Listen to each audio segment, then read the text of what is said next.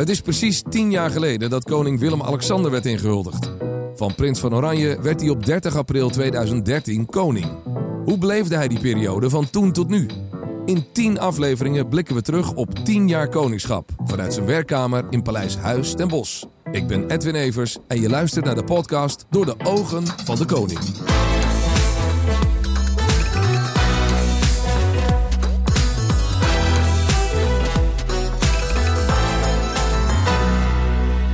Majesteit 2019. Goedemorgen. Weer een jaar. Ja, we vliegen er doorheen. Maar we hebben ondertussen wel, ik weet niet of u er al klaar mee bent, dan moet ik zeggen. Maar we hebben ondertussen al zo'n beetje het langste interview wat u ooit gegeven heeft. Alles bij elkaar opgeteld. Daar komt het wel op neer uiteindelijk, ja. En, en dat is denk ik het mooie van de podcast. Dat je het op deze manier toch rustig wat langer over bepaalde onderwerpen kan spreken. Ja. Uh, zonder dat het binnen een half uur of drie kwartier allemaal afgehandeld moet zijn. Ja, dus u vindt het nog steeds leuk. We kunnen door. We kunnen absoluut door. We kunnen door. Oké, dan gaan we door met 2019. 2019 was het jaar waarin Nederland eindelijk weer eens het Songfestival won met Duncan Lawrence en zijn liedje Arcade.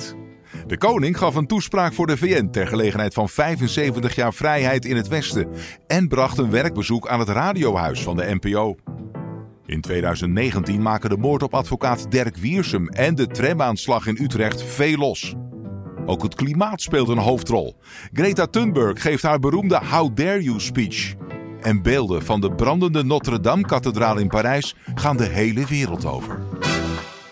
Ja, waar gaan uw gedachten als eerste naar uit als u dit zo hoort?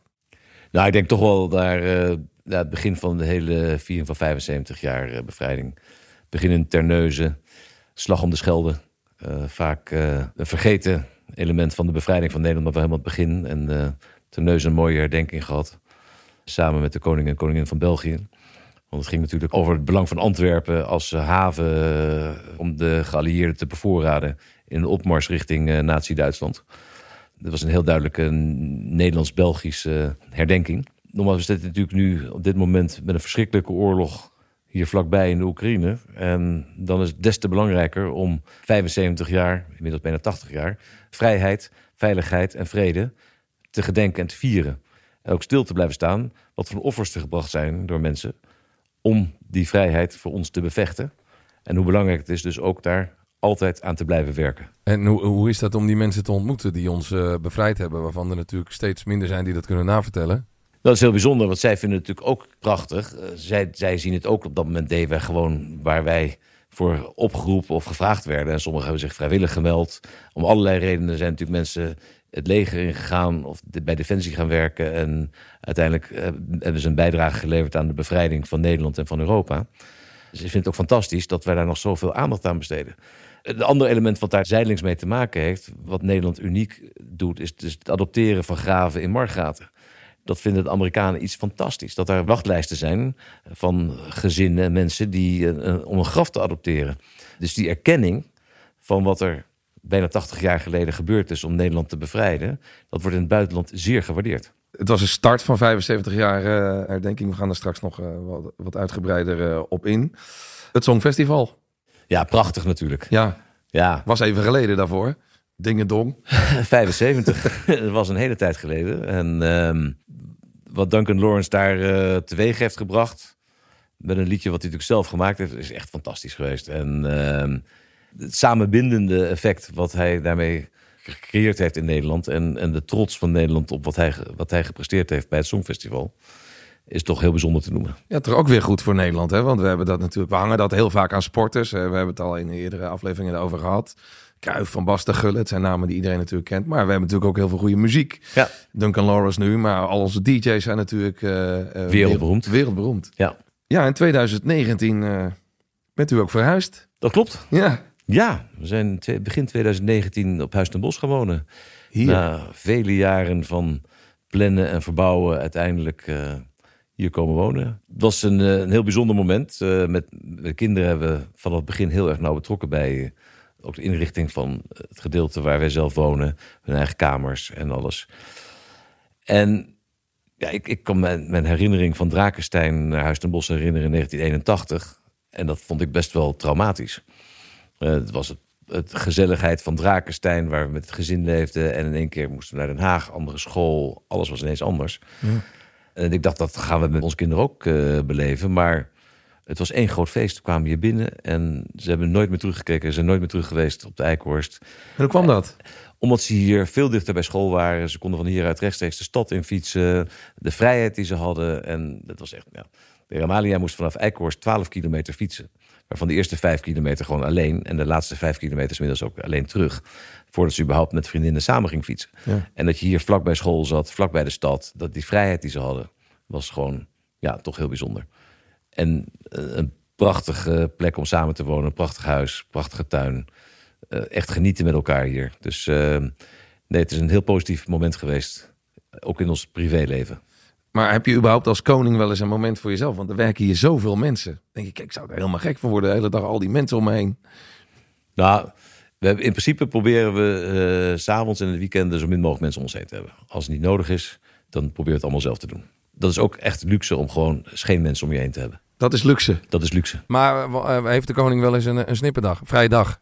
Nou, nee, nooit vrij, maar hij is, hij is altijd koning. Ja. Maar het is ook wel eens heerlijk om gewoon alleen met je gezin te zijn en geen mensen om je heen te hebben. Nee. Uh, een van de dingen ook in het overzicht, uh, uw toespraak uh, voor de Verenigde Naties 2019 New York, die was bijzonder. Wat weet u daar nog van? Dat was in het kader van 75 jaar. Ja. Het was de 74ste algemene vergadering. Maar het begin van het, van het jaar dat we 75 jaar vrede, veiligheid en voorspoed in ons deel van de wereld hebben meegemaakt. De Verenigde Naties hebben een hele belangrijke rol gespeeld. Zijn meteen na de Tweede Wereldoorlog opgericht en waren dus ook in hun 75ste jaar. En in dat kader was mijn toespraak daar uh, voor de Verenigde Naties. En het was een heel bijzonder moment. Het was niet mijn eerste toespraak bij de algemene vergadering. Eén keer eerder mocht ik spreken namens de Nederlandse regering uh, toen wij kandidaat waren voor de Veiligheidsraad. En daar heb ik ook die kandidatuur mogen ondersteunen. Dus, de, dus die spanning was er wel een beetje af. Maar het is natuurlijk altijd wel een heel bijzonder moment dat je op dat niveau met de, met, bij de Verenigde Naties, de algemene vergadering, gewoon de wereld mag toespreken. Want u heeft daar nog een prijs voor gekregen ook. Daar heb ik ook een prijs voor gekregen. Daar ben ik uh, zeer, uh, ja, was ik zeer verrast en zeer blij mee. Want waar was die voor? Die was voor mijn ondersteuning voor de LHBTI-gemeenschap en uh, voor de manier waarop wij proberen zo inclusief mogelijk te zijn in Nederland. Waar we ook zeggen van ja, we zijn er niet perfect, maar we proberen er wel alles aan te doen om iedereen bij te betrekken. Om een, om een echt een inclusieve samenleving te zijn. En is dat dan een uh, zo'n speech? Uh, schrijft u die helemaal zelf? Of, of, zitten daar elementen in? Kunt u daar zelf elementen in brengen? Nee, je kan het eigenlijk een beetje vergelijken met een troonrede op wereldniveau. Want je spreekt toch namens de Nederlandse regering. Ja. Maar het is niet zo formeel wat dat betreft. Dus ik heb wel de kans om eigen elementen in te brengen. En in 2019 heb ik de kans gehad ook om uh, daar een element over de doodstraf in te brengen. Waar ik dus ja, een, een verklaard tegenstander van ben. Dat is niet zo moeilijk. Maar ook waarom ik dat ben. Want de mens is niet onfeilbaar. En recht wordt gesproken door mensen. En daarom kan je in beroep gaan, omdat de eerste rechter kan een fout gemaakt hebben. Ook al hebben wij in ons systeem van de rechtsstaat dat de rechter altijd gelijk heeft, kan je altijd in beroep gaan, want er kan toch altijd een fout gemaakt zijn of kunnen andere dingen bijkomen. Dus de mens is nooit onfeilbaar. Dus het kan ook zo zijn dus dat ons juridisch systeem niet onfeilbaar is. Dus je mag nooit een onherroepelijke straf geven. Want iemand kan uiteindelijk blijken onschuldig te zijn, ondanks alles de andere kant op gewezen heeft. En dus buiten het onmenselijke van de doodstraf vind ik het ook binnen het juridische systeem niet kloppen een onherroepelijke straf te geven. En dat heb ik toen ook kunnen zetten in die speech voor de Verenigde Naties. Dat heeft u zelf toegevoegd? Dat heb ik zelf toegevoegd. Het heeft niet heel veel tractie gekregen, moet ik zeggen. Niet nou, heel veel mensen die daar... dat we het er nu uh, over hebben. Ja, maar daarom is het ook wel leuk om uh, toch terug te kijken naar... Uh, van, zet je zelf er iets in, dan denk je van... nou, dat gaat echt de aandacht krijgen. En dan krijgt het geen aandacht. Dat krijgt nauwelijks aandacht, nee. Maar goed, dat is... Maar gaat dat dan nog in overleg dat u dat... want dat is natuurlijk best wel een ding. Want er zijn natuurlijk ook landen waar ze daar heel anders over denken. Ja, maar kijk, dat is ook weer ministeriële verantwoordelijkheid. Het hoeft niet regeringsbeleid te zijn of kabinetsbeleid te zijn. Maar het moet verdedigbaar zijn in de Tweede Kamer. En ik denk dat dit vrij makkelijk verdedigbaar is. Ja, nou misschien krijgt het nu alsnog de aandacht. Ja, het is tijd voor, laat ik zeggen, de blik van buitenaf. Het koningschap door de ogen van iemand anders. In dit geval Gerdy Verbeet. Nadat ze elf jaar lang Tweede Kamervoorzitter was, is ze voorzitter geweest van het Nationaal Comité 4 en 5 mei. Waardoor ze ook aan het roer stond van de herdenking van 75 jaar vrijheid. Ik ben Gerdy Verbeet. Als voorzitter van het Nationaal Comité 4 en 5 mei was ik bij de start in Terneuzen van de viering van 75 jaar vrijheid. Het was ontroerend om te zien hoe de koning de hoogbejaarde bevrijders van de geallieerde landen omhelsde en zo onze dankbaarheid voor hun moed overbracht. En natuurlijk staat ook zijn bewogen toespraak op 4 mei op die lege dam in mijn geheugen gegrift. Majesteit, wat maakte op u de meeste indruk? Nou, allereerst natuurlijk uh, heel bijzonder om te constateren dat die viering van 75 jaar vrijheid uiteindelijk onvrij eindigde. Maar dat was wel onze eigen keuze. Want op een gegeven moment overkwam COVID ons. Gedurende die, eh, dit herdenkingsjaar, wat eind augustus begon en, en door zou lopen tot in 2020. En tijdens 75 jaar vrijheidsherdenking werden we ineens onvrij. Of vanwege een pandemie. Dat was wel eigenlijk uh, heel bijzonder als, als tegenstelling eigenlijk. We vierden 75 jaar vrijheid en bevrijding van een bezetter waar we tegen onze keuze bezet werden. En we vierden dat in een onvrije situatie uit eigen keuze. Ja, waar uiteraard niet iedereen het mee eens was. Maar we vochten ook weer tegen een andere onzichtbare vijand natuurlijk. Tegen een andere onzichtbare vijand, waarvan wisten we alleen maar door weer terug te gaan naar een onvrije situatie, konden we die vijand bestrijden, het virus.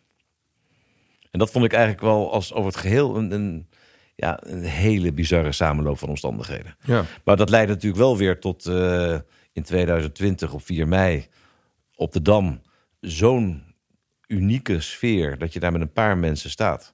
En dat terwijl ik al gevraagd was voor de pandemie om, om op 4 mei daar te spreken. Dus dat, dat, dat was niet aan gekoppeld, maar het, het, resultaat was wel heel bijzonder daardoor. Ja, en dat vonden ook heel veel mensen. Eh, dus dat was ook heel persoonlijk. Hoe heeft u dat zelf ervaren? Ik heb tijdens de jaren daarvoor verschillende toespraken gezien. Ebert van der Laan, generaal van UM, anderen. En daaruit altijd meegenomen dat, er ook echt een persoonlijk element in moest zitten. Dus dat heb ik ook in proberen te brengen. En dat, dat is denk ik wel gelukt. Uh, het is iets waar ik altijd mee geworsteld had. De, de, de geschiedenis van mijn familie ten opzichte van de holocaust. Ik heb ooit een, tentoonstelling geopend... Uh, Joden in Nederland en het Huis van Oranje. En dat was allemaal fantastisch. Eeuwenlang uh, dankbaarheid, hoe we opgevangen zijn vanaf. Uh, maar altijd weer die Tweede Wereldoorlog die erbij kwam. En in begin 2020 was ik in, in Tel Aviv, in het bejaardenhuis Bet Juliana. Waar ook Holocaust en, en Auschwitz-overlevers wonen. En daar werd het me nog een keer heel duidelijk gemaakt. Altijd dat moment. Ik dacht, nu is mijn kans om het persoonlijke element van de familie, waar ik zelf al zo lang mee worstel, om daar gewoon mee naar buiten te komen en zeggen van ja, het was gewoon niet goed dat ondanks dat men wist wat er gebeurde, dat het niet in de, in de toespraken voor Radio van Oranje naar voren is gebracht, dat het toch gezwegen werd. Terwijl het bekend was, zeker later in de oorlog, wat er gaande was. Niet, niet in detail, maar men wist dat er vernietigingskampen waren. Men wist dat de Joden uh, vermoord werden. En het is toch niet dat is niet op tijd gewaarschuwd. En daar had mijn overgrootmoeder een, een andere rol kunnen spelen. En ik denk, ja, uh, voor mijzelf is iets waar ik altijd mee geworsteld had. En op dat moment kon ik daarmee in het reinen komen. En zeker op zo'n lege dam op dat moment maakt het natuurlijk heel speciaal. Ja, die setting was natuurlijk heel bijzonder. Ja. En een ander uh, persoonlijk element uh, van de toespraak op de Dam was natuurlijk uh, de herinnering aan mijn ontmoeting met Jules Schelvis. Op een gegeven moment was er een, een een, ja, het was een muzikaal begeleid verhaal over het transport naar Sobibor. En waar zijn familie dus bij omgekomen is. En eh, het was zo'n bijzondere man. En om die ervaring te kunnen delen weer, die ik met hem heb gehad, op zo'n moment op de Dam met anderen. En inderdaad ook gewoon te waarschuwen dat de holocaust niet iets is van vernietigingskampen. Nee, het begint inderdaad met dat ene bordje verboden voor Joden in het Vondelpark. Daar begint het al. Dus als je daar begint met discrimineren, daar begint met mensen uit te sluiten, kan dat uiteindelijk leiden tot Auschwitz, tot Sobibor. En daar moeten we altijd voor blijven waken. Ja. 2019 vieren we 75 jaar uh, vrijheid. En dan komen we bij de krijgsmacht. Uh, waar we van alles van vonden. De afgelopen jaren er moest bezuinigd worden. En nu blijkt dat we ze ook ineens heel hard nodig hebben. Uh, er is een hechte band altijd geweest hè, tussen de krijgsmacht en het Koningshuis. Ja, er is altijd een hechte band geweest. En die is uh, koningin Wilhelmina, um, eigenlijk als 18-jarige, is een van de belangrijkste pijlers van haar koningschap al. Was de band met de krijgsmacht. En die is, heeft ze eigenlijk haar hele leven gehouden. Natuurlijk gedurende de oorlog ook heel belangrijk geweest. En daarna mijn grootvader een belangrijke rol gespeeld. Ik zelf heb een fantastische diensttijd gehad, moet ik zeggen. Ik was uh, 18 jaar toen ik mocht dienen bij de marine. Ik zeg altijd, een heleboel dingen die ik misschien, misschien anders zou doen, misschien nog her zou overwegen, iets anders, weet ik wel. Maar één ding wat ik onmiddellijk weer zou doen, is mijn diensttijd. Want? Nou, allereerst gewoon met een, een club kerels bij elkaar. Toen waren er geen vrouwen in dienst, maar club kerels bij elkaar. Die, uh, waar je ja, in je opleiding echt hard onder handen wordt genomen. En je leert elkaar door en door kennen. En je bent gewoon van elkaar afhankelijk. Als iemand er doorheen zit, dan is er altijd iemand weer die je oppikt. En dat doe je bij elkaar. Nou, dat is een club. Wij zaten met een club van 15 mensen. We zien elkaar nog steeds elk jaar. Het is gewoon een hele echte club uh, geworden. Ondanks totaal verschillende achtergronden en alle verschillende beroepen komen één keer per jaar minimaal bij elkaar. En dat is nog steeds echt een echte club. Maar even, wij, hebben geen beeld van wat er gebeurt bij de marine. Wat, wat, wat... Nou ja, de, je, tijdens je opleiding heb je natuurlijk, uh, behalve de dus inhoudelijke lessen over navigatie en, en, en commando-wapensystemen en, uh, en, en, ook gewoon basismilitaire vaardigheden, schieten, stormbanen, alles, heb je ook bivak op Tessel waar je met kettingen sjouwt 15 kilometer en een boot op je hoofd 15 kilometer en dat soort dingen. En dus je moet gewoon ja, echt gewoon ook fysiek hard aangepakt wordt. En het, het mooie is, ja, iedereen zit er wel een keer doorheen. En als je elkaar niet helpt, dan lukt het gewoon niet. En dat vond ik het mooie ervan. Maar een andere, toen ik eenmaal aan boord van het schip zat als, uh, brug, als wachtsofficier op de brug. Je bent 18 jaar en je vaart rond met een schip met 300 mensen. En je hebt de verantwoordelijkheid voor de veiligheid van het schip. En natuurlijk zit er ook beneden de commandocentrale zitten, uh, zitten commandocentrale officieren die dit hele gevechtsbeeld in de gaten houden en andere dingen controleren. Maar je hebt zo'n verantwoordelijkheid. Die kan je nergens anders terugkrijgen. En dat is, dat is echt gewoon iets dat, ja, dat is voor mij ook heel erg goed vormend geweest voor de rest van mijn leven. Mijn diensttijd eh, bij de marine. En een ander mooi moment in het jaar, dat niet onvermeld mag blijven, denk ik, is Veteranendag. In de afgelopen 10, 15 jaar is het beeld van een veteraan echt verschoven van iemand die nog in de Tweede Wereldoorlog gevochten heeft, tot mensen die gevochten hebben namens Nederland.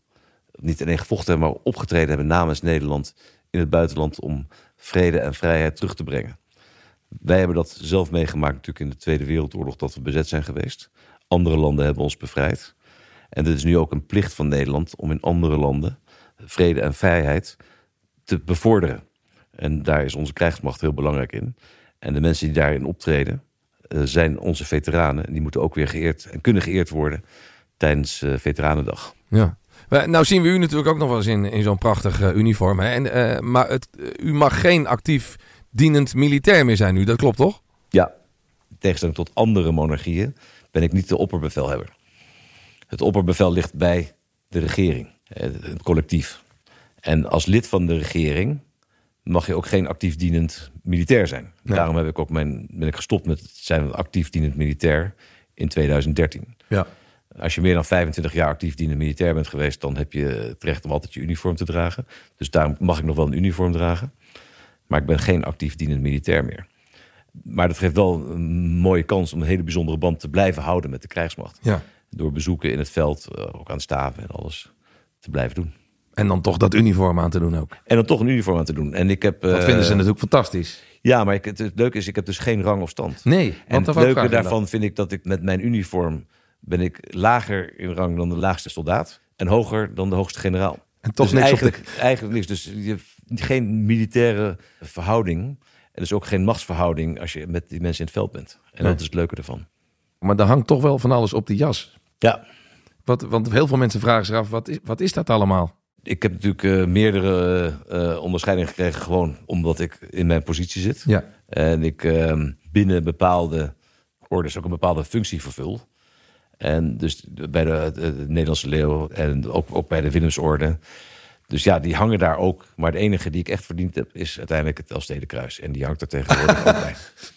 Ja, dat is eh, ook wel een mooie anekdote van mijn vader. Die ooit een keer moest hij met... eh, in zijn rokkostuum en dat moest met alle toeters en bellen enzovoort. En toen is hij aangekomen, had hij alleen zijn eh, vierdaagse kruis had hij opgespeld. En toen zei hij tegen al die mensen die er liepen met eindeloze onderscheidingen, maar deze heb ik wel echt zelf verdiend.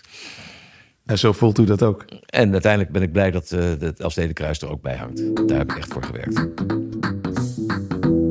Ja, we zijn uh, toegekomen aan uh, de vraag uh, van Muk. Want ja, niet iedereen heeft even scherp in de gaten wat de koning eigenlijk precies doet. Wat zijn taken zijn, hoe zijn werkdag eruit ziet.